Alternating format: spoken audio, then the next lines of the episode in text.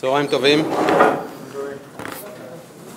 אני רוצה שהיום נתעסק בשאלת יום הכיפורים, בדיני יום הכיפורים, ולנסות דרך אה, הגדרת חמשת העינויים שנמצאים ביום הכיפורים, לנסות גם להבין את מהות יום הכיפורים בצורך הנפשי של האדם. אה, נגיד איזושהי הערת סוגריים, הקפיצה שלי בעצם ליום הכיפורים, וקצת אולי לברוח מממד הזמן, כן ראש השנה מקדים, ואנחנו עדיין עומדים לפני ראש השנה. היא באמת הולכת סביב השאלה שאנחנו עוסקים, כולנו ורובנו, אה, בלימוד בבוקר בתוך אה, דיני ראש השנה, בשאלת תקיעת השופר, ונרחיב בהם גם בשבועיים הקרובים, ולכן רציתי לעשות איזושהי קפיצה ליום הכיפורים שלא נספיק יותר מדי אה, להתכונן ולהכין עצמנו אליו, אז לכן נקפוץ ונתעסק בשאלת באמת יום הכיפורים לייצר איזושהי הכנה, ולכן השיעורים הקרובים באמת ייוחדו לעיסוק גם ביום הכיפורים וגם בסוכות, זמנים שפחות נתעסק בהם לפחות בזמן אלול מצד העיסוק המרכזי והרחב שלנו. אז ראשית העניין ביום הכיפורים, שמעלה אה, באמת סוגיה מאוד רחבה, שיש בו שני ממדים, יש בו את עבודת המקדש, העבודה המרכזית של אה, נעשית אה, בתוך יום הכיפורים, אבל במקביל לזה יש את העינוי ואת הציווי של האדם ברמה הפרטית, ופה צריך קצת גם להבין, ננסה לראות את עיקרי הדינים עם ההתפרטות שלהם הלכה למעשה לכמה אה, שאלות הלכתיות ועניינים הלכתיים רלוונטיים ואולי השנה אפילו אף יותר בענייני ככה סוגיות הקורונה וההתמודדות שלנו עימהם. ראשית, כולם מכירים את המשנה במסכת יומא, פותחת בעצם את הפרק האחרון, אומרת המשנה יום הכיפורים אסור באכילה ובשתייה וברחיצה ובשיחה ובנעילת הסנדל תשמיש המיטה. יש חמישה איסורים, הגמרא דנה אם זה חמישה או שישה, כי האם אכילה ושתייה זה אחד או זה שניים, בפשטות אכילה ושתייה נלמדים כאחד, לא ניכנס עכשיו לכל הלימוד שמופיע מאוחר יותר בגמרא, אבל ממילא יוצא שיש לנו חמש איסורים שקיימים ביום הכיפורים לאדם הפרטי. מה מקור הלימוד? ופה לקור, מקור הלימוד הוא מאוד מאוד חשוב לשאלות הלכתיות שניגע בהן קצת יותר מאוחר. אומרת הגמרא בדף ע"ד עמוד ב', תנו רבנן, תענו את נפשותיכם. יכול ישב בחמה או בצינה כדי שיצטער, תלמוד לומר וכל מלאכה לא תעשו. מה מלאכה שב ואל תעשה? אף עינוי נפש שב ואל תעשה. מי שככה יכול להסתכל בהערה, הבאתי את הפסוק המרכזי שממנו אנחנו לומדים את הצביון המיוחד של יום הכיפורים. הפסוק אומר, והייתה לכם לחוקת עולם בחודש השביעי בעשור לחודש תענו את נפשותיכם וכל מלאכה לא תעשו האזרח והגר הגר בתוככם. אנחנו רואים שצביון היום זה עינוי הנפש, איך עינוי הנפש בא לידי ביטוי כמו שהגמרא מבינה, שב ואל תעשה. אין מצווה לבוא ולסבול באופן יזום, באופן אקטיבי, אלא השב ואל תעשה הוא עצמו מייצר לי את נקודת העינוי המחויבת ביום הכיפורים. וכך הדברים נראים גם בסופה של אותה סוגיה, עינוי שהוא אבדת נפש, ואיזה הוא זה? זה אכילה ושתייה. בפשטות, כאשר התורה מדברת על עינוי, ההבנה של הגמרא שעינוי הוא בעצם אכילה ושתייה. מה זה השבע על טייסה שאדם מאבד את נפשו, אדם שלא אוכל, אדם שלא שותה, באמת יש פה איזשהו ממד מסוים של עיבוד נפש, שהנפש הולכת וקלה, ולכן זה ההגדרה הבסיסית לעינוי הנפש. למה חשוב לי להדגיש את זה? כי שאר העינויים, מהיכן הם נלמדים? אנחנו מוצאים שבהמשך הגמרא, שתי דפים מאוחר יותר, היא מדברת כנגד חמישה, אותם חמישה איסורים כנגד מי? הנה חמישה עינויים כנגד מי? אמר רב חיסדא כנגד חמישה עינויים שבתורה, ובעשור, ואח בעשור, שבת שבתון, ושבת שבתון, והייתה לכם. הנה חמישה הבו, והננשית אתנן, שתייה בכלל אכילה היא.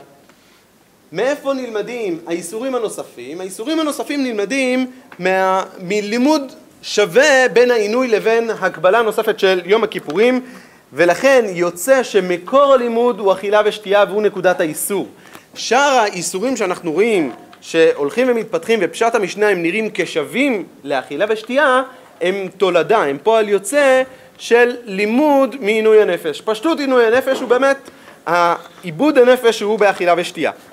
למה חשוב לבוא ולהדגיש את זה? כי באמת באים הראשונים ויוצרים פה מחלוקת שיטתית. מגיע הראש, ריב וריבה, כמו שמופיע בפניכם בבית יוסף, אף על גב דנפקי מקרא, אסמכתא בעלמנינו. כך כתב הראש בשם ריב וריבה והביא כמה ראיות לדבר. מה הראיה העיקרית שהוא מביא לדבר? המלך והכלה ירחצו את פניהם ותנא נמי החיה תנעול את, את הסנדל, דברי רבי אליעזר חכמים אוסרים, ומדאסרי רבנן על כוכך בדליקה סכנה עסקינן, ואיסור נעילת הסנדל מדאורייתא, איך שר אלי רבי אלעזר? הרי המשניות עצמם מתירות לרחוץ במצבים מסוימים, או לנעול סנדל במצבים מסוימים, גם שהם לא מקומות שהם סכנה, או גם לא מקומות שהם מאוד קיצוניים, ולכן איך יכול להיות שמשנה מפורשת תבוא ותתיר לי? אני אסביר את זה. מה? שאר האיסורים הם דרבנן. איסור אכילה ושתייה, עניינו ומהותו, תוקפו, הוא באמת מדאורייתא. שאר האיסורים, מאיפה הם נובעים? הם נובעים בעצם מתוקף דרבנן, תקנה דרבנן, ולכן באמת המסקנה, אלא ודאי מדרבנן הינו, כך עולה לפחות לשיטת הראש, רי וריבה. מאידך, הר"ן וגם הרמב"ם מקשים על זה, אומרים דנירא דכולו מדאורייתא, כיוון דבלאו, אה, דבלאו בכלל עינוי דקטיבי בקרא, בעדי באורייתא נינו, אלא מריבוי דשבתון. ברגע שהלימוד הפשוט היה באמת ריבוי העינוי, ריבוי השבתון, כמו שהשתקף בדרשה שראינו קודם, לכן ממילא עולה שהשאלה או התוקף של שאר האיסורים גם עומד כתוקף דאורייתא ולא כתוקף דרבנן.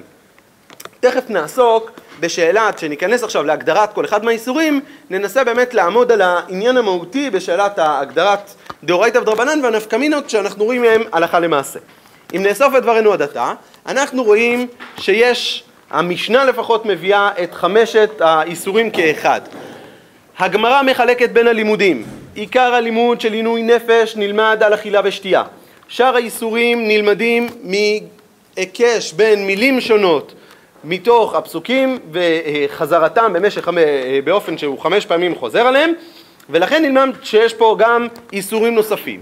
עדיין עולה בנו השאלה האם הלימוד הזה הוא לימוד דאורייתא או לימוד דרבנני הלימוד פה כפי שמשתקף אז אנחנו רואים שחלק מהראשונים, מחלוקת בראשונים, חלק מהראשונים בהם הראש רי וריבה מבינים שזה שאר האיסורים תוקפם דרבנן הר"ן והרמב"ם מביאים שהוא דאורייתא חשוב לי היה להתחיל באמת בתשתית הסוגיה הזאת, כי מי שבעצם מבין את שתי נקודות ההנחה האלה יכול לעסוק גם בשאלות מתפרטות שבאות לידי ביטוי, תכף נעסוק בשאלות שאנחנו עומדים בהן באמת אה, בהתלבטותם הלכה למעשה. אם אנחנו צריכים עכשיו להיכנס לשאלת הגדרת האיסורים, קודם כל, מהי אכילה? אמנם בדפים שלכם בטעות נשמטו לי כמה מילים מתחילת הסוגיה, אבל הסוגיה מתחילה דאיתמר חצי שיעור. אתם רואים? זה, שזה, אתם רואים שזה לא מופיע, תיילם. דאיתמר חצי שיעור, רבי יוחנן אמר אסור מן התורה, ריש לקיש אמר מותר מן התורה. הניחא לרבי יוחנן אלא לריש לקיש, מה איכא למימר? מודה ריש לקיש אסור מדרבנן. עולה פה שאלה מאוד חשובה שאנשים נוטים לטעות בה, והיה חשוב לי להתחיל כדי לבאר. איסור אכילה ביום הכיפורים אסור מהתורה לפחות לרבי יוחנן, שכך באמת אנחנו גם פוסקים, בכלשהו. אממה, אדם חולה, שיהיו אוכלים לשיעורים, יולדת, אה, אנשים במצב סכנה כזה או אחר, זה כבר שאלה שהיא אחרת. אבל איסור תורה הוא חייב בכלשהו. מהי השאלה? אז מה הגדר של שיעור? אנחנו יודעים שיש שיעור, ותכף נראה אותו גם בשולחן ערוך, ששיעורו ככותבת הגסה, לצורך מה שיעור? לצורך, לצורך בעצם ענישת כרת. ממתי יש הבדל בין מה אסור בכלל, לבין ממתי האדם מתחייב כרת. החיוב כרת מגיע מהגדרה של ככותבת הגסה. האיסור קיים בכלשהו, ולכן כל אכילה שהיא, כל שתייה שהיא, יש בה כבר, כבר את נקודת האיסור, איסור מן התורה. ריש לקיש חולק על זה, כן הבאתי את הדברים שגם לשיטת ריש לקיש, הוא אומר שחצי שיעור מותר מן התורה, מדרבנן עדיין הוא אסור. ולכן, בין לשיטת רבי יוחנן, בין לשיטת ריש לקיש, יוצא שבעצם חצי שיעור אסור. שאלה אם דאורייתא ודרבנן. אומר הרמב"ם, אכל או שתה פחות משיעור זה, אינו חייב כרת, אף על פי שהוא אסור מן התורה כמו שהדגשנו. בחצי שיעור אין חייבים כרת אלא על שיעור, והאוכל או שותה חצי שיעור, מקין אותו מכת מרדות. יש באמת איסור בחצי שיעור, אבל העונש על זה הוא לא עונש כרת כמו שאנחנו מוצאים שכתוב בתורה. מאידך, פוסק השולחן ערוך, האוכל ביום הכיפורים ככותבת הגסה חייב, והוא פחות מכביצה מעט, ושיעור זה שווה לכל אדם, בין לננס, בין לאוג מלך הבשן. יש פה באמת חלוקה מאוד מעניינת, שככותבת הגסה הוא באמת הגדרה אוניברסלית למה אדם, או במה אדם מתחייב, מאידך, כאשר הוא מדבר על עניין השתייה, השותה ביום הכיפורים מלא לוגמיו, חייב, אבל מתי? משערין מכל אדם לפי משהו, הגדול לפי גודלו והקטן לפי קוטנו. למרות שראינו ששתייה ואכילה מגיעים כאחד, יש פיצול לעניין ההגדרות. שאכילה יש בה ממד אובייקטיבי של ככותבת הגסה, בן אדם צעיר, בן אדם מבוגר, בן אדם קטן, בן אדם גדול.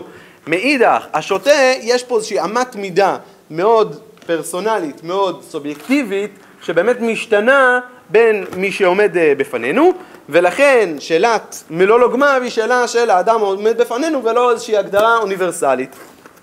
זה מה שעולה בעצם אה, לאור דברי השולחן ערוך. אם, אם אפשר למקד את העניין של אכילה, אכילה אסורה בכלשהו מהתורה. יש עליה חיוב, והחיוב נובע מהגדרת שיעור. חצי שיעור אתה אסור, אבל אתה עדיין לא התחייבת כרת. מה מחדד לנו הרמב"ם? לא התחייבת כרת, אתה חייב מכות מרדות. עדיין זה לא הופך להיות דבר שמותר.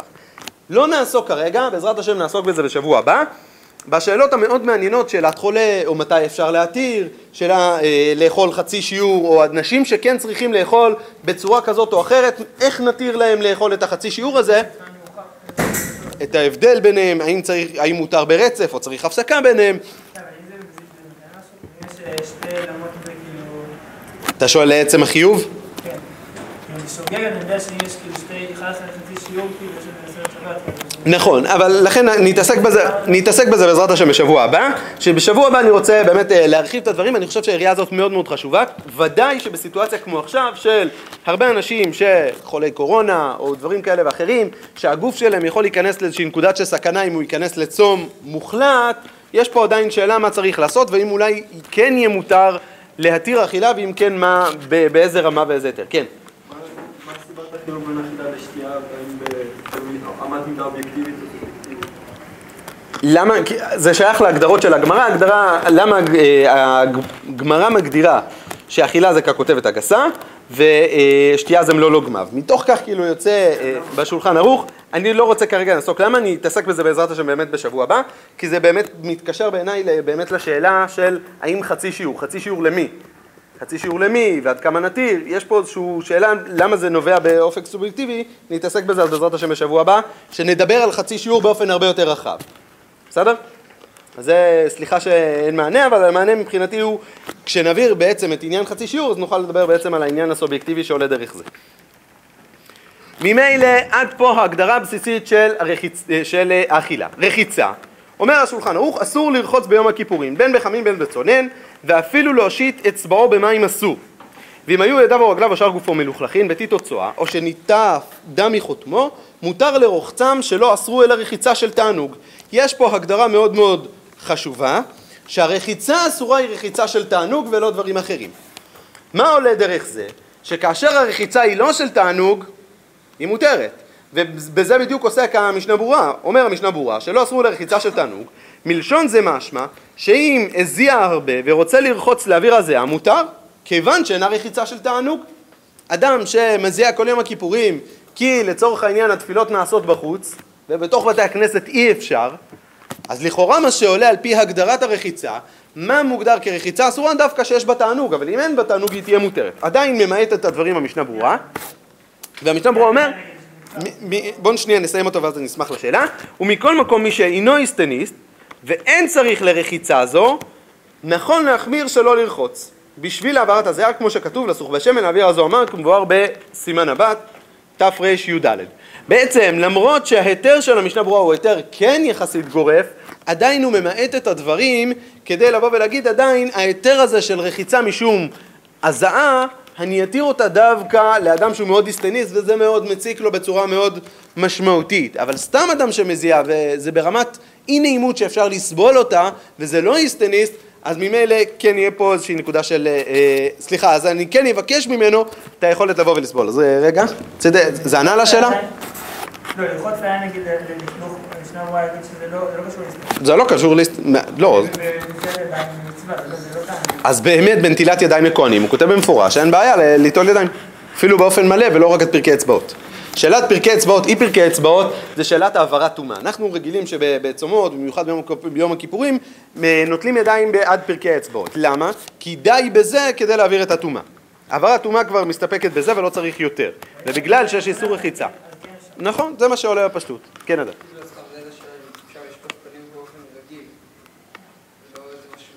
שוב זה עולה לעצם ההגדרה, אם, אם זה נובע לתענוג, זה נובע מעצם אה, צורך שהוא לא תענוג, כמו העברת זיעה מ- מאוד מכבידה. לכן הבאתי את המשנה ברורה, אבל הבאתי עדיין את הסייג של המשנה ברורה, שהמשנה ברורה מסייג את עצמו. הוא בא ואומר, מעיקר הדין, רחיצה שהיא לא של תענוג, יש בה היתר. עדיין, אני בא ואומר דווקא שזה בעצם מאוד מפריע. יש שאלה מאוד מעניינת, מה מגדיר היסטניסט? האם היסטניסט זה אדם ספציפי שבאמת סובל ובאמת הדבר הזה מאוד מאוד מטריד אותו על גבול החולה מזה, או היסטניסט זה אדם שזה מאוד רע לו, או לא נעים לו באיזושהי צורה קצת יותר מההסתברות, מהסטטיסטיקה. ולכן יש פה איזושהי שאלה שעדיין המשנה ברורה ממעטת את הדברים. כן חשוב לי לציין, אה, מה פוסקים עכשיו לגבי הקורונה? או? נהדר, אז נשלים את זה ואז נראה בעצם את העניין. שאלה מעולה. מה עכשיו בעצם לכאורה עולה מצד ההיגיינה? מצד ההיגיינה שבמיוחד בסיטואציה כמו, כמו קורונה, אבל לפני שאני אגיד את הקורונה אני רוצה להביא גם את הדעה השנייה, בסדר? אה, אומר התז, התז בתרי"ג, דברים כאלה גם אומר הבח, להעביר את הזיעה אסור. כמו שכתב בסימן שאחרי זה, גבי שיחה שאסור גבי, אה, שאסור כדי להעביר את הזוהמה, והוא הדין ברחיצה. יש מחלוקת יסודית. המשנה ברורה, ותכף נראה את זה גם בשיחה, יוצר חלוקה בין רחיצה לבין שיחה. תפיסתו היא שרחיצה אסורה דווקא רחיצה של תענוג. שיחה אסורה בין תענוג בין לא תענוג. זה הפיצול שאומר המשנה ברורה. התז בא ואומר הפוך, רחיצה שווה לשיחה. ולכן אני לומד משיחה על רחיצה, ותכף נראה שרחיצה אסורה בין של תענוג בין לא של תענוג, ולכן הוא מבין שרחיצה מדין הזיעה תהיה אסורה. לחלוטין, והוא לא מקבל את ההיתר הזה של המשנה ברורה אפילו מצד הזיעה. כן. כן, בפשטות כן. עכשיו, מה שעולה בצורה יפה, אני אתייחס לשו"ת משני הלכות ואז דרך זה נענה חזרה על השאלה שעלתה פה שאלה טובה ביחס לענייני קורונה.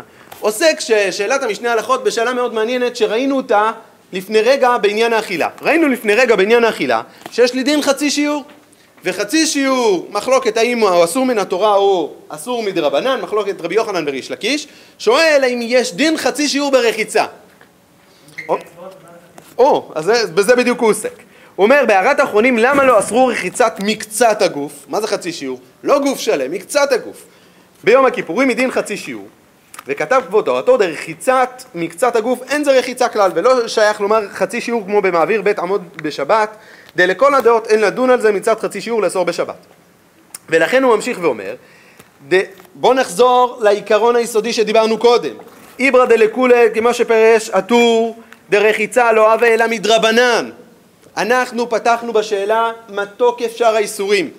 עלה ששאר האיסורים מחלוקת ראשונים, האם הם דאורייתא או דרבנן. אומר המשנה הלכות הגדרה מאוד חשובה, דרחיצה לא הווה אלא מדרבנן, ובדרבנן לא שייך למימה חצי שיעור כלל, אלא דהרמב"ם והר"ן דסבירא ליה דכל חמשת העינויים דאורייתא ברם האמת שקיימן לן דאסור להושיט אפילו אצבע קטנה במים. אם כן האיסור על הכלל וליקה בזה שיעור אבדוק. ונראה דאיסור רחיצה תלוי בתענוג שאיסור רחיצה משום תענוג ורחיצה בלא תענוג מותר. אם כן אינו תולה בשיעור המים אלא תלוי בשיעור התענוג. יש פה הגדרה מאוד חשובה ויפה של המשנה הלכות, שהמשנה הלכות בעצם בא ואומר זה בעצם אי אפשר לייצר חצי שיעור, זה לא אכילה שאתה בא ואומר יש לי אמת מידה של אכילה היא ככותבת הגסה חצי מככותבת הגסה או פחות מככותבת הגסה זה מגדיר לי את חצי שיעור ממילא הוא מחלק לשתיים. דבר ראשון, שלרוב הפוסקים, כמו שראינו לרוב הראשונים, דינה קודם כל מדרבנן, ולכן כבר יש מה להקל בה, כי אין לנו את הגדר חצי שיעור בדרבנן. באיסור שהוא איסור דרבנן, אין גדר בו חצי שיעור. מאידך, אנחנו יכולים לצרף לזה דבר נוסף מה שהוא מגדיר, הוא אומר, זה לא מוגדר על פי כמות מים, אלא שיעור התענוג, וזה מה שראינו בשולחן ערוך. שולחן ערוך, הגדרת אוכל באה לידי ביטוי בכמויות. הגדרת רחיצה או שיחה מגיעה לידי ביטוי בתענוג, ולכן זה אמות מידה שונות כדי לבוא ולבחון אותם. אם נחזור לשאלה הזאת, באמת רחיצה שהיא באמת נובעת מהיגיינה, היא עומדת, לעניות דעתי, גם למשנה ברורה וגם לתז. כי גם התז, ההגבלה שלו הייתה על זה הרבה. על דבר שבעצם באמת האדם לא נעים לו והוא סובל ממנו, משהו מעין זה, אבל אין בו דין של אולי ספק פיקוח נפש.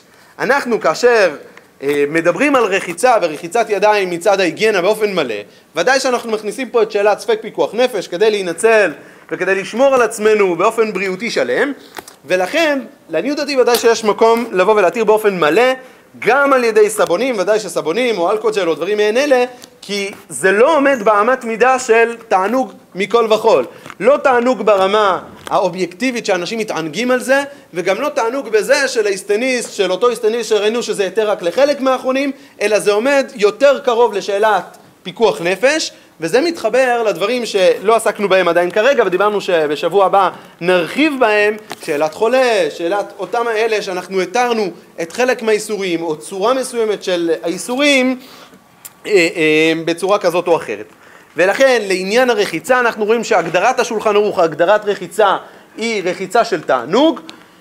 מאידך, חלק מהאחרונים לא מקבלים את זה, ולכן יוצא לנו מחלוקת אחרונים בין רחיצה של תענוג שכך מקבל המשנה ברורה ולכן רחיצה שאין בה תענוג ממילא מותרת, אל מול אחרונים כמו הבח והטז שאומרים מה פתאום רחיצה אסורה גם אם אין בה תענוג כי רחיצה שווה לשיחה ובהגדרה היפה של המשנה הלכות שהוא בעצם בא ואומר הגדרות הייחודיות שמגדירות רחיצה ושיחה הן הגדרות ששייכות לשיעור התענוג ולא שייכות לכמות מסוימת של מים בצורה כזאת או אחרת, ודאי אפשר להוסיף לזה את העניין שמדובר פה על דין דה רבנן. אם נמשיך הלאה בהגדרת השיחה, אומר השולחן ערוך אסור לסוך אפילו מקצת גופו, ואפילו אינו אלא להעביר הזוהמה. אבל אם הוא חולה, אפילו אין בו סכנה או יש לו חטטין בראשו, מותר.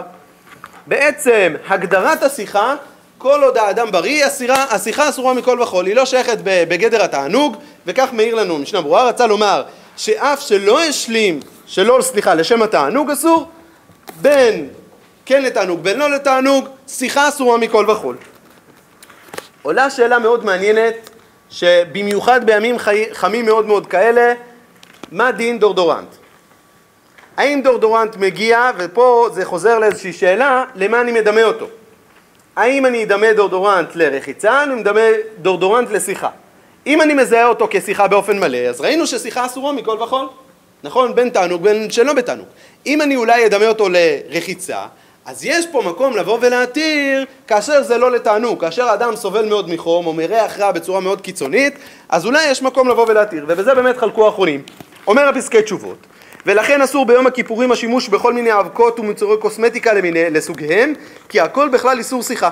וכן אסור להתיז על הגוף חומר ריחני נגד הזיעה וכל כיוצא בזה.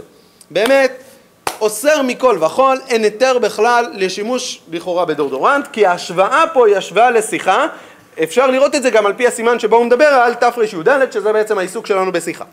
מאידך, אחידה, בשו"ת חיים שאל, ותכף נראה שגם הגרשה זה רבי שלמה זן נוירבך בהליכות שלמה, מביאים איזושהי קולה קצת יותר גדולה. אחידה עוסק בשאלה אם מותר לרחוץ כהנים בעת עלייתם לדוכן במי ורדים. יש מי ורדים, ודאי שמי ורדים יש להם ריח מסוים, מעין בושם כלשהו, האם כאשר הם עולים לדוכן, הרי אמרנו שהרחיצה של הכהנים כן מותרת, האם במי ורדים זה יהיה מותר? אומר, אמ, אסור לרחוץ, סליחה, בסימן ל"ט אסר לרחוץ הכהנים בעת עלייתם לדוכן בבית הכנסת במי ורדים, ולחוש למאן דאמר דשיחה שייך בכל דבר. ואני בעוני באי פלוגתא, ביררתי קצת הסברות של הפוסקים בספר קטן, אה, מחזיק ברכה, אך בנידון דידה נראה דלא שייך שיחה דמי ורדים, הם המים המוגרים כמים ממש ורחיצה היא, ולא יש נדנות שיחה. בעצם הגדרתו הבסיסית אומר בסוף היחס שלי אליהם הוא כמים ואם היחס שלי אליהם כמים ולא כשיחה ממילא אני חוזר לפיצול הזה שהפיצול יש תענוג או אין תענוג ולכן כאשר זה נעשה לצורך כגון לצורך אה, אה, הנטילה הזאת בשביל אה, אה, לעלות לדוכן ממילא יש בה איזושהי נקודת היתר. הגרש"ס בעצם באמת מרחיב הלאה ואומר אם המטרה היא להסיר ריח רע מותר ובאמת על פי ההגדרה הזאת יש פה הרחבה הרבה יותר גדולה שכל הסרת ריח רע מותרת ושימוש כאשר הוא נעשה באמת להסיר ריח רע עניינו כדין מים מדין כמו שראינו בזיעה שעלתה לפחות לחלק מהחולים בהם המשנה ברורה ולכן יש מקום לבוא ולהתיר שימוש אה, בדורדורנטים למיניהם כי אני משווה אותם בעצם לעניין הרחיצה. זה בעצם מה שעולה בתוך האחרונים. ממילא, אם נאסוף את הדברים, בשאלת השיחה ראינו שפשט שולחן ערוך לא מחלק בין תענוג לשלא תענוג. רק יש שאלה בדברים שאנו משתמשים בהם היום, כגון דורדורנטים למיניהם, האם אני משווה את זה לשיחה או משווה את זה לרחיצה. אם אתה משווה את זה לשיחה, באמת זה אסור. אם אתה משווה את זה לרחיצה, יש פה מקום שיכול לבוא ולהתיר. מתי? כאשר זה לא נעשה לתענוג, כאשר זה באמת נובע מסבל של ליסטניסטיות ו- ובאמת אה, מסבל של הזעת יתר. דין נוסף, שמה? שם דין כבוד הבריות, לא רק על- על- בפשטות זה היסטניסט, זה האדם הפרטי. זה גם ההיתר שראינו ברחיצה. שלא- שלא אחרים לא כאילו... אז לא ראינו שההיתר הוא בעצם אה, מהשני, אלא ההיתר הוא בעצם נובע באמת מעצמי. כאשר אני, וזה גם מה שראינו שהמשנה ברורה עדיין מאט את זה, הוא אמר, זה באמת הסתנית, זה באמת מפריע לו. כאילו זה משהו שצריך להפריע לאדם עצמו, ואז זה מעמיד אותו באיזשהו מקום של סבל אישי, של מעין, זה לא חולי, אבל זה קרוב לחולי, זה אולי אה, הולך לכיוון. בשאלת נעילת הסנדל יש שאלה מאוד מאוד מעניינת, והיא כבר עולה בראשונים, איך אנחנו מגדירים את נעילת הסנדל? מה אסור בעצם נעילת הסנדל? אומר הבית יוסף, משמע ודווקא בשל אור, היא באה אלוהו מהו לצאת בסנדל על פי לשון הגמרא בדף ע"ח עמוד ב', של שם ביום הכיפורים, ופשטינן דרבי יהושע בן לוי ורבי אלעזר אבו נפקי ביום הכיפורים, ואמרינן רב יהודה נפיק פירוש מנגמי ואביי נפיק בדהוצה ורב הנפיק בד- בדבלה, פירוש עשוי מעשבים ורבא אבונה אבא כריך סודרה עקרי ונפיק. וכתב הראש, על פי זה, תניא אחד מנהל, אחד מנהל וסנדל. מה שעולה מתוך כך וכך עולים מתוך דברי הרוב, נראה מדבריו שכל מנהל שאינו של אור, יוצאים בו ביום הכיפורים, וכן כתב הר"ן, שכן דעת הריף. הריף, הראש והר"ן מגדירים שהדבר האסור ביום הכיפורים הוא דווקא מנהל של אור. מאידך, רב זכריה הלוי הרסה בא ואומר, חולק ואומר דאקשינן הכיתה יוצא בקו שלו דברי רבי מאיר דקסבר מנהלו מביא ראיה מתוך דברי המשנה איך אנחנו מתייחסים לקטעי היוצא בקו שלו, שמדובר על עץ ולא מדובר על אור, ולכן תפיסתו היא בכל דבר שאפשר לצאת בו. כל דבר שהוא ראוי להיות מנהל. יוצא שיש פה שתי שיטות. האם האיסור הוא באור דווקא? אפשרות אחת. אפשרות שנייה, שהאיסור הוא לא באור דווקא, אלא בכל מנהל, מנהל מיועד להיות מנהל. כל דבר שהוא מוגדר בעצם כמנהל, כנעל שאנחנו מגדירים אותה, ולכן האיסור אולי הוא רחב יותר, זה מה שעולה מפשט הדברים. מסכם בבית יוסף, לעניין הלכה כיוון שהריף והראש מסכימים להיתר בכל מנהל שאינו של אור, אחי נקטינן. וכתב רבנו ירוחם, לעולם לא ראיתי מי שנהג היתר לצאת בסנדל של עץ. מביא בסוף דבריו, יש כללי, כללי פסיקה בתוך, אה, בתוך דברי הבית יוסף, והבית יוסף מביא בתוך הכללים, כאשר הריף והראש מביאים שיטה כאחת, זאת אומרת מסכימים, יש של שלוש, שלושת עמודי הרואה, ריף, ראש ורמב"ם. כאשר שניים מתוכם מסכימים לשיטה אחת, אנחנו הולכים כמו הרוב, ולכן כך בעצם ראוי לבוא ולפסוק הלכה. אם נדון לענייננו, כאשר הריף והראש אומרים שכל האיסור במנהל הוא דווקא של אור, אז ממילא האיסור הוא דווקא באור, ולא בשאר מנהלים, וזה מה שעולה מפשטות השולחן ערוך, וכך באמת הוא פוסק.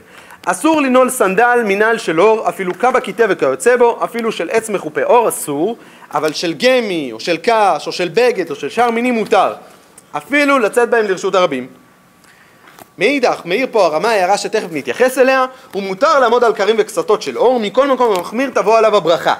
מה שעולה על פי זה, שבפשטות השולחן ערוך אמר, דבר שעשוי מאור בו האיסור. בשאר דברים אין את נקודת האיסור, מרחיב בזה הרמה, שהדין הוא דווקא במנהל, דווקא נעליים ולא בדברים אחרים שאתה בא ועומד עליהם. עדיין, יש מיעוט בתוך דברי השולחן ערוך. אומר השולחן ערוך, מותר כל אדם לנעול סנדל מחמת עקרב וכיוצא בו, כדי שלא יישכנו. אם מצויים שם עקרבים או דברים הנושכים. זאת אומרת, גם השולחן ערוך אמר שכן מותר ללכת עם נעל אור. מתי מותר ללכת עם נעל אור? כאשר זה מקום של סכנה, כאשר באמת יש איזשהו סבל מאוד גדול, שהליכה באולי גם קוצים ואבנים קשות, דברים שהאדם יבוא ויסבול בהם, לכן כן יש היתר ללכת בסנדל של אור. מסתדר לדברי השולחן ערוך שאנחנו תפסנו ששאר האיסורים היא איסורי דה רבנן, ולכן אין חובת איס- אה, סבל אקטיבית של עינוי אקטיבי באדם, ולכן הדברים באמת מסודרים לאור דברי אה, השולחן ערוך, שבאמת פסק כמו הריף והראש, שכל האיסור הוא איסור אה, באור ולא איסור בדברים אחרים.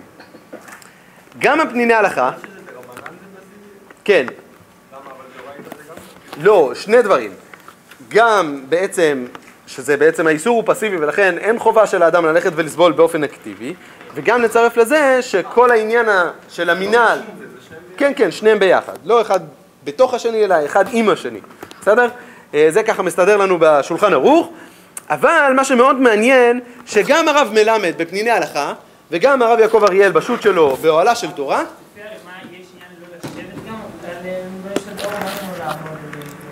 אדם רוצה, עומד כל התפילה, רוצה לשים מתחתיו איזושהי כרית כזאת או אחרת. האם מותר לו או אסור לו? בסדר? ולכן הוא בא ואומר, בזה אין איסור. האיסור זה בנעילה. כן, האיסור הוא במנהל ולא בדברים אחרים. גם הרב מלמד וגם הרב יעקב אריאל דנים פה באופן נורא נורא מעניין. בואו נראה את הפניני הלכה, אוהלה של תורה. אומר הרב מלמד ככה, שדע, אולם נראה בבירור שדעתם התבססה על המציאות לפיה כל הסנדלים שהיו עשויים מחומרים אחרים לא היו נוחים להליכה. על כן, היה ניתן לומר שאינם נחשבים כנעליים וסנדלים. אבל כיום, שרגילים לעשות נעליים טובות מחומרים שונים שאינם שלו, בכל נעל או סנדל שרגילים ללכת במשך השנה בחוץ, במקום שיש בו אבנים או חצץ, אסור ללכת ביום הכיפורים, ואין זה משנה מאיזה חומר הם עשויים. מה עולה דרך זה, וכך בעצם הוא באמת מגיע לאיזושהי נקודת איסור מחמירה יותר, הוא בא ואומר שכל שיטות הראשונים שראינו קודם, כולם יצאו מתוך נקודת הנחה שנעל אור היא הנעל המשובחת, רק הייתה שאלה אם נעל אור או דברים נוספים, אבל כיום שאנחנו יודעים להפיק נעליים טובות גם מדברים אחרים, גם בהם יהיה את האיסור, לכן זאת מסקנתו. לפיכך אסור ללכת ביום הכיפורים בנעליים וסנדלים שרגילים ללכת בהם בחוץ במקום שיש בו אבנים, ואין זה משנה מאיזה חומר הם עשויים. אבל מותר ללכת בנעלי בד, מבד או בנעלי גומי פשוטות שאין רגילים ללכת בהם בחוץ במקום שיש בו אבנים וחצץ. ודברים עוד אה, דומים אנחנו רואים בתוך דברי, אה, אה, אוהלה של תורה דברי הרב יעקב אריאל, אני אקרא את מסקנתו, לכן נראה לעניות דעתי שיש לחוש מספק, הרב אריאל פחות רואה בזה תפיסה מוחלטת, אלא רואה בזה באמת חשש מספק מאותה סברה שהרב מלמד העלה, ולכן הוא אומר לכן נראה לעניות דעתי שיש לחוש מספק ולהקפיד על נעליים מיוחדות ליום הכיפורים, לא נעליים המשמשות להליכה בכל ימות השנה, אלא כאין נעלי בית וכל הדומות להן, שחשים בהן את הקרקע. זאת אומרת, הסברה של שניהם, שמחלוקת הראשונים נבעה מהעניין שזה היה נכון לזמנם, אבל זה לא נכון לימינו, ולכן יש לנו מה לבוא ולסייג את הדברים, וגם היום ללכת עם נעליים שאנחנו יותר חשים בהם את הקרקע, הם רואים את זה לבוא ולסייג. כן חשוב לי לציין, לא הבאתי את הדברים כאן, לא הספקתי להעתיק, אה, לא הצלחתי להעתיק את הדברים, זה לא היה נגיש לי, אבל היה צריך לכתוב, אז אני כן אגיד אותם בעל פה, שהרב עובדיה בפשטות פוסק כדברי השולחן ערוך.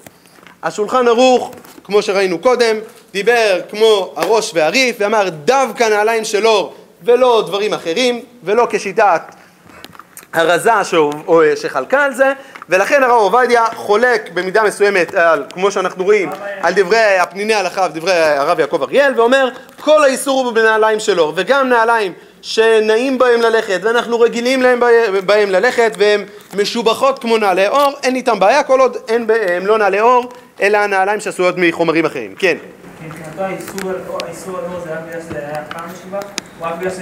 לא, כי רק, כי האיסור על אור, תכף נראה, יש פה פרי עץ חיים מאוד מאוד יפה בארי, שמתייחס לזה, אה, כי מבחינתו איסור על אור הוא דין באור. למה דין באור? אז עוד רגע נראה את ההסבר הנורא יפה.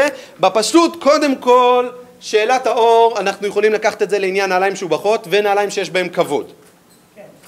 שזה גם עניין של מכובד ולא רק עניין פונקציונלי, למה נעים לי ללכת בו, שיותר הרב אה, מלמד הלך לכיוון הזה. אז יש פה את ההגדרה הזאת. נכון, כן. זה כמו מים שסופר בן אדם, כמו אוכל שזה פר חברה. או. כאילו, בן אדם שהוא תמיד הולך עם כפים. כאילו, אז אתה אומר, אז הוא צריך ללכת עם דברים אחרים. אני חושב שמה שאתה אומר זה שאלה מאוד טובה, זה קצת שאלת החצי שיעור שהעלינו קודם, האם זה משהו עצמי או שאלת התענוג, שבאמת אנחנו בוחנים אותה. אני חושב שהפניני הלכה קצת פתר את זה, הוא, נתן אבן בוחן, הוא אמר, אם תלך על זה, כשיש עקרבים, אבנים ושאר דברים, אז ממילא זה בעיה. מים. כן. כן, שזה פר בן אדם שבעצם אני באמת בוחן את הדברים.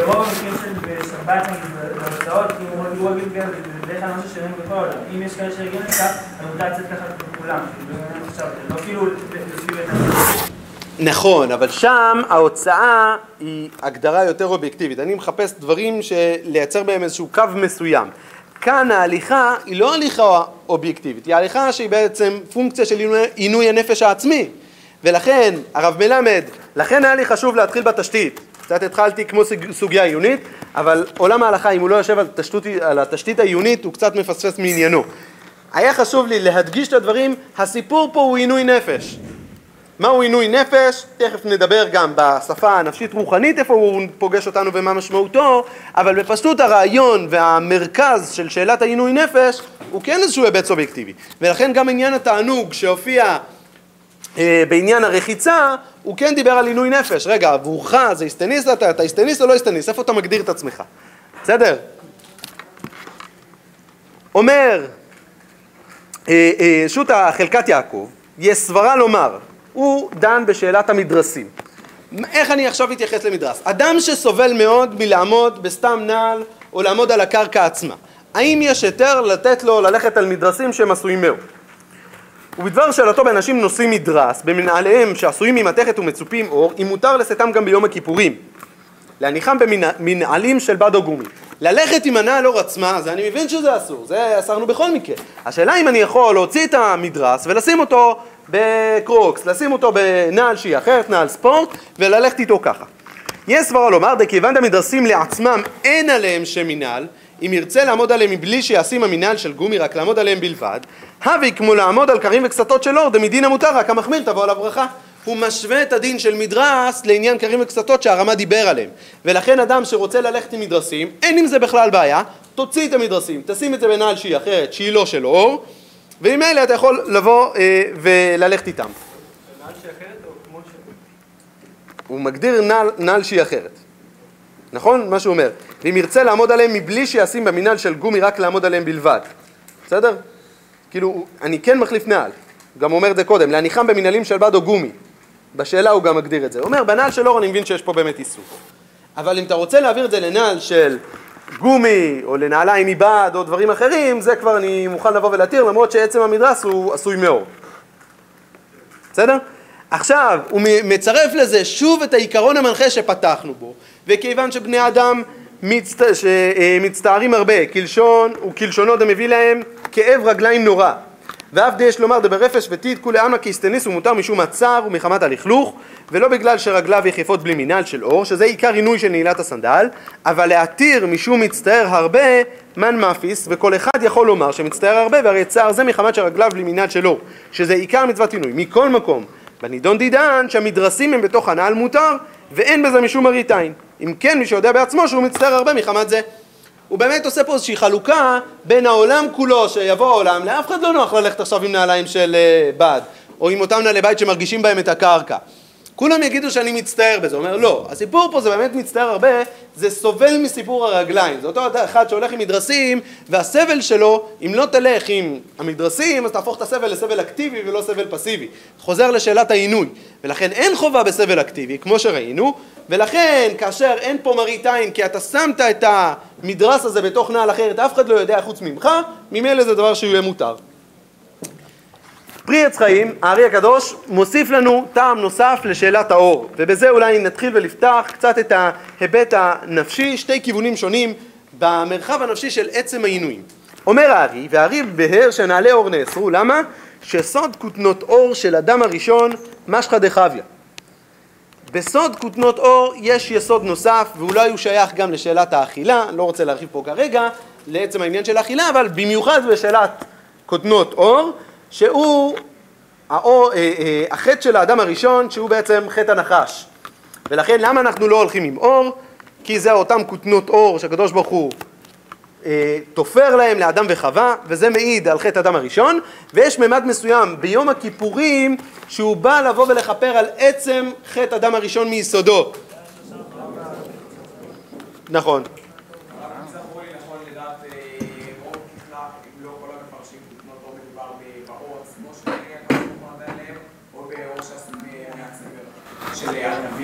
אבל זה, יש פה איזושהי דרשה, יש... לא, נכון, אבל יש פה איזושהי דרשה שמנסה קצת אולי לגלות על מהות העניין של האור. מה בעצם העניין מהות האור? הארי מנסה לבוא ולדרוש איזשהו עניין... נכון, אבל בפשטות טוב, א', פשט הוראה מדובר על אור, מה הכוונה באור? אור שאנחנו מכירים, נכון? אם אני נכנס קודם כל לפשט הוראה, זה דבר אחד. דבר שני, יש פה איזשהו רמז, אני חושב, מאוד מאוד עמוק למהותו של יום, יום הכיפורים, וזה קצת מוביל אותי לשאלת ההמשך של הממד הנפשי של יום הכיפורים. בסוף יום הכיפורים מה הוא מחדש? הרי הארי בעצם מכוון אותנו לזה, אני חושב, דרך הנקודה של האור, של סיפור, אה, אה, אה, הליכה בנעלי אור, ודרך זה יש פה איזשהו סוד לעניין אולי המהותי ביותר של תיקון היסוד האנושי, במידה מסוימת. ופה אני רוצה להביא שתי כיווני חשיבה, לאן אנחנו יכולים לבוא ולהתייחס לזה. בסדר?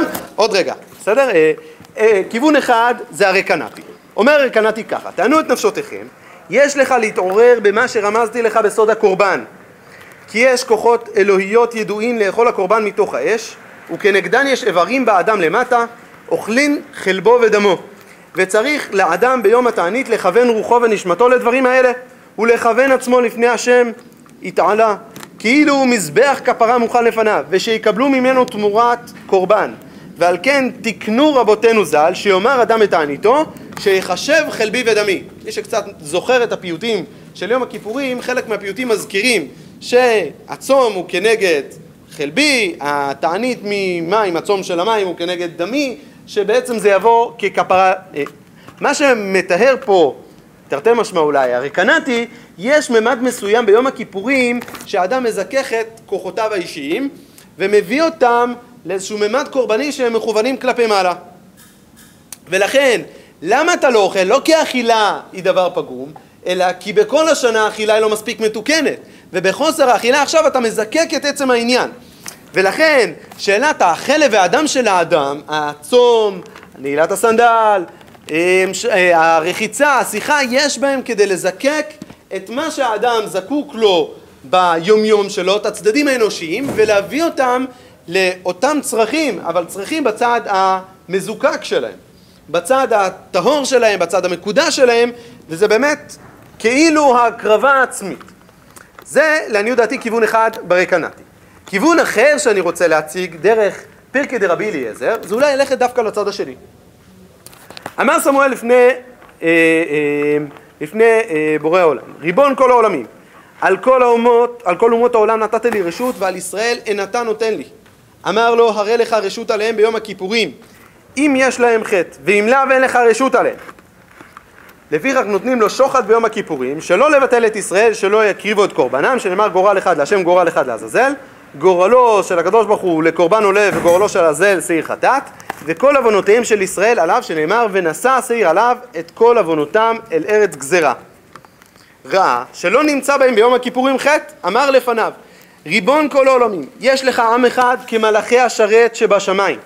מה מלאכי ישראל אין בהם אכילה ושתייה, כך ישראל אין להם אכילה ושתייה ביום הכיפורים. המלאכי השרת, שלום ביניהם יחפה רגליים ביום הכיפורים, כך ישראל יחפה רגליים, סליחה, כך ישראל יחפה רגליים ביום הכיפורים. מה מלאכי השרת אין להם קפיצה, כך ישראל עומדים על רגליהם ביום הכיפורים.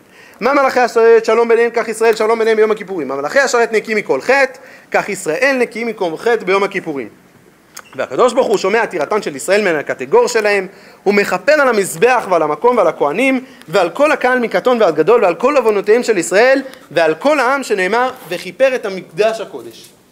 יש פה שתי תמונות שונות לעניות דעתי בתכלית במהות של יום הכיפורים בעבודה האישית של האדם. בין מקום אחד שמגיע כדי לזכך וכדי לטהר והוא מגיע באיזושהי תנועה מקבילה לעבודת המקדש. הרי קנאטי מייצר איזושהי תנועה מקבילה למקדש, כי במקדש יש אה, באמת גם את כפרת המזבח שנעשית ביום הכיפורים, יש כפרה גם על הקודש. חלק מהכפרה, חלק מהזיכוך והטיהור, הוא לא מגיע רק על החטאים, אלא גם על היכולת לבוא ולהתחטא בכלל. ולכן זה להביא את הכלים האלה לשפה באמת מתוקנת. את אברי הגוף, את כוחותינו בחיים ביום-יום. יש יום בשנה שמביא אותנו לאיזשהו זיכוך בלי הסיבוב היומיומי שאיתו אנחנו הולכים. ולשם כך יש את חמשת אותם עינויים, שהחמשת עינויים האלה הולכים באמת על כל ממדי הגוף בצורה המלאה שלהם. אנחנו יכולים לבוא ולהתבונן בזה, של אכילה ושתייה, של אה, העניין של ידיים ורגליים, רחיצה ונעילה, של תשמיש המיטה, שכל החלקים הפעילים של האדם, כדי לבוא בעצם לייצר בהם זיכוך. הפירקי דרבי אליעזר מייצר איזושהי תמונה קצת הופכית. הוא אומר, יש ממד מסוים בתוך שאלת אה, אה, יום הכיפורים, שזה ההידמות למלאך. יש צד, אולי בשפה פסיכולוגית קצת נגיד, של לחיות רגע את הסופר אגו, לחיות את האידיאל, לחיות את הקודש שהוא מנותק מתוך המרחב האנושי. ודווקא מתוך החיים האלה של איזשהו עולם שהוא קצת מנותק מתוך המרחב הזה, אתה יוצר הזנה הרבה יותר מלאה לתוך מרחב החיים. הטהרה של יום הכיפורים לא מגיעה רק משאלת זיכוך הכוחות ברמה כזאת או ברמה אחרת, אלא היא מזה שהאדם לא נכנס לתוך מגבלות כוחותיו, אלא הוא חי עולם אידאי הרבה יותר שלם וגדול, והוא העולם שלא זקוק לצרכים האנושיים.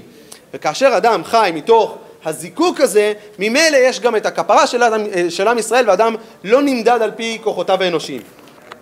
מה שיפה בפרקי דרבי אליעזר, אם תשימו לב, הוא נותן את המשקל הגדול לכפרת עם ישראל לא רק במעשה המקדשי, אלא במעשה האנושי של כל אחד ואחד. שבעצם יש פה אחריות טבעית על כל אדם בעשייה שלו, באותם חמשת איסורים ועינויים ביום הכיפורים שהוא מתענה כדי לייצר את הכפרה. יש לנו איזשהו כוח אקטיבי והוא לא תלוי רק בעבודת המקדש, וזה באמת מתקשר לדברים בהם פתחנו, שעבודת יום הכיפורים, וכך זה משתקף גם בדברי המשנה, בדברי הגמרא, יש שני מערכים. יש מערך אחד שעסוק בשאלת העבודה של עולם הקודשים, עבודת כהן גדול בבית המקדש, ויש עבודה מקבילה שהיא הפרק האחרון והיא שאלת האיסורים על האדם, ושניהם מופיעים כציוויים מפורשים במקדש. ההתבוננות הזאת היא באמת להבין שיש פה איזושהי נקודה של השלמה, שהאדם הפרטי באמת הוא שותף מלא לעבודת הכהן הגדול אה, ביום הכיפורים, כמו שזה בא לידי ביטוי.